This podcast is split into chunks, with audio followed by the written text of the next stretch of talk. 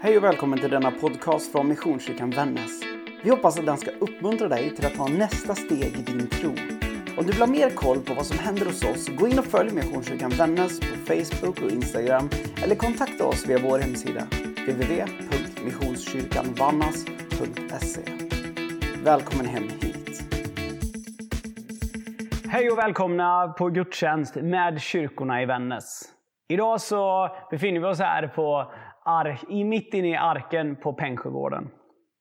Jag heter Johan Wikström och jag är pastor i Missionskyrkan. Och den här veckan så har jag tänkt att ta med er till en text i Bibeln som förklarar en av de kanske vackraste innebörderna av kristen tro.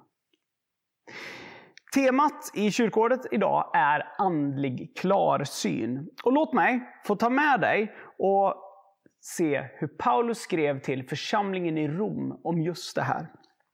Ifrån Romarbrevets åttonde kapitel, verserna 14 till 17.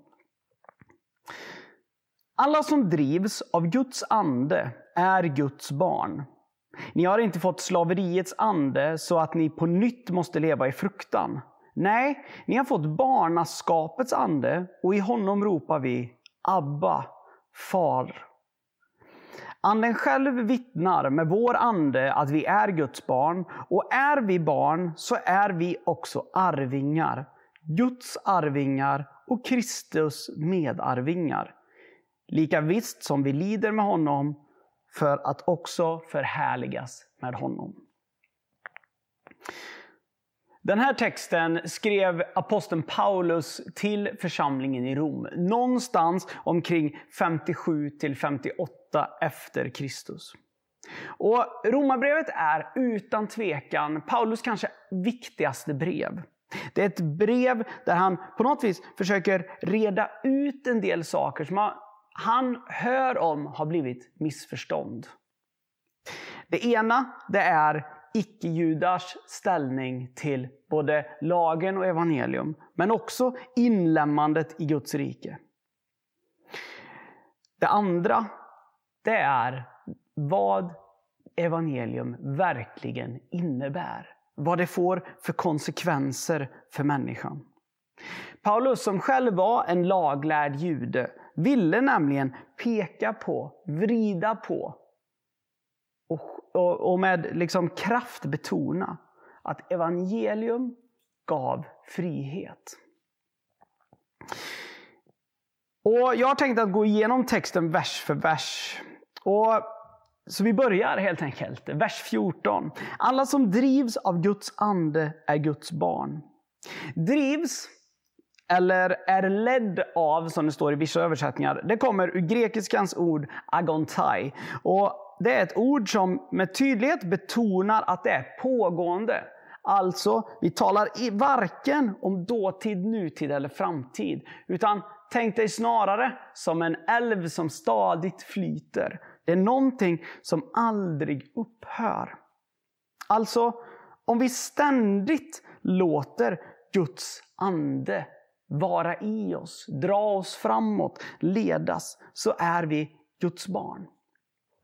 Men Guds barn då, vad innebär det? Ja, men det är också ett ord som är lite, lite spännande. Eh, med viss reservation för uttalet, ”hujoj”. Och det är egentligen ett ord som historiskt har översatts mest till son. Men i samtida andra grekiska källor som vi talar om, eh, som man kan läsa från den här tiden, så används det snarare rakt om för att beskriva avkomma eller arvtagare. Med andra ord, i vår kontext, barn. De som ska ärva. I vers 15 så, så står det så här. Ni har inte fått slaveriets ande så att ni på nytt måste leva i fruktan. Nej, ni har fått barnaskapets ande och i honom ropar vi Abba, far.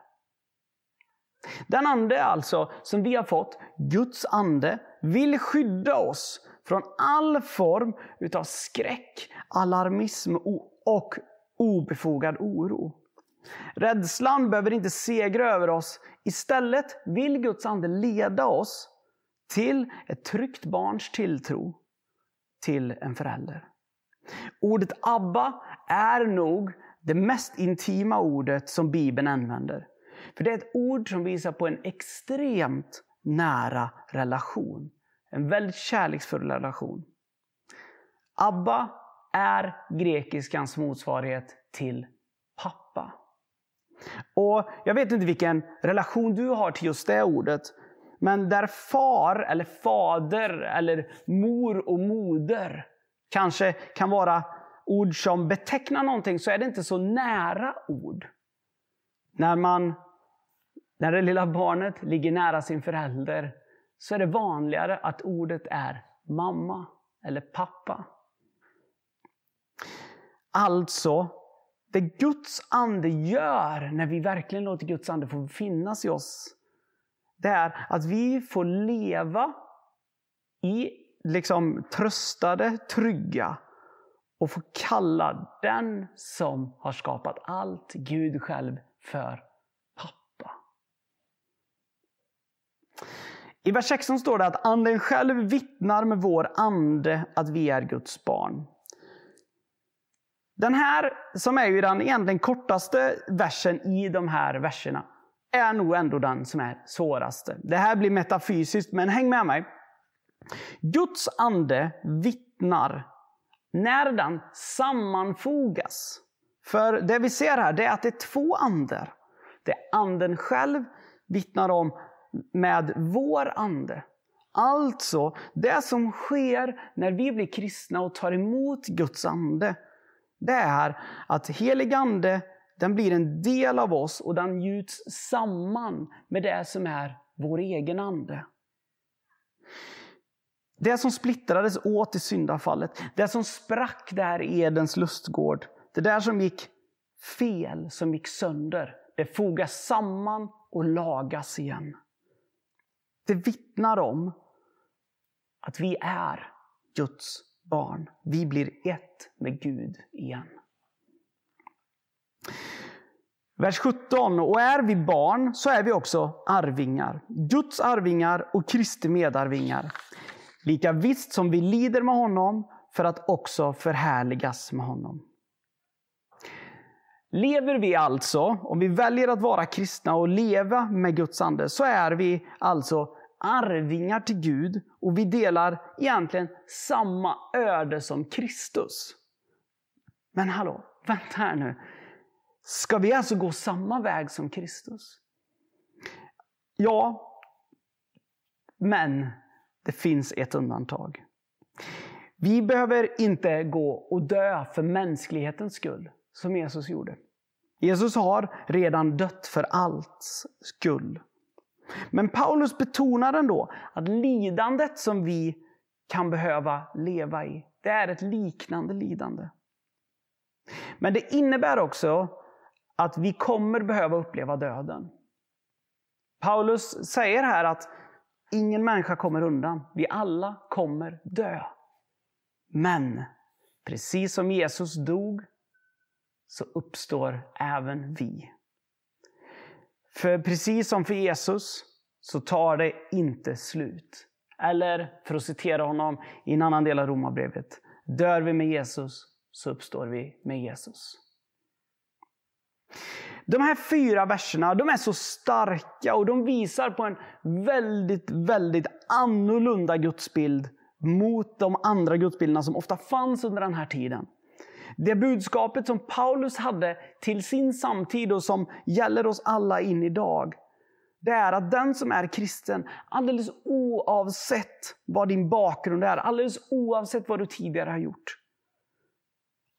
Om du låter Guds ande leva i dig, så har vi en fader i himlen, en Abba, en pappa, som längtar efter oss, som har öppnat vägen för oss och som röjt all sly som låg i vägen mellan oss och Gud. Allt för att vi ska kunna komma framåt. Den här veckan, återigen, är temat andlig klarsyn. Knappast kan något ses som mer andlig klarsyn än att fullt ut förstå det Paulus faktiskt försökte få församlingen i Rom att förstå. Du är Guds barn.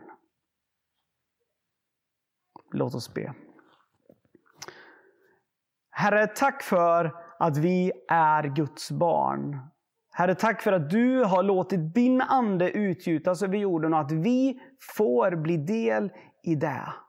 Herre, tack för att du låter din ande ta boning i var och en av oss och sammanfogar din ande med vår ande för din äras skull. Herre, jag ber att den här veckan att vi ska bli påminda om det. Att du ska ge oss en blick för oss själva. Att när vi ser på oss själva i spegeln, att vi påminner oss om att det är Guds barn jag ser. Men jag ber också att du ska ge oss den synen också på våra medmänniskor. Att vi alla är de som du längtar så mycket efter.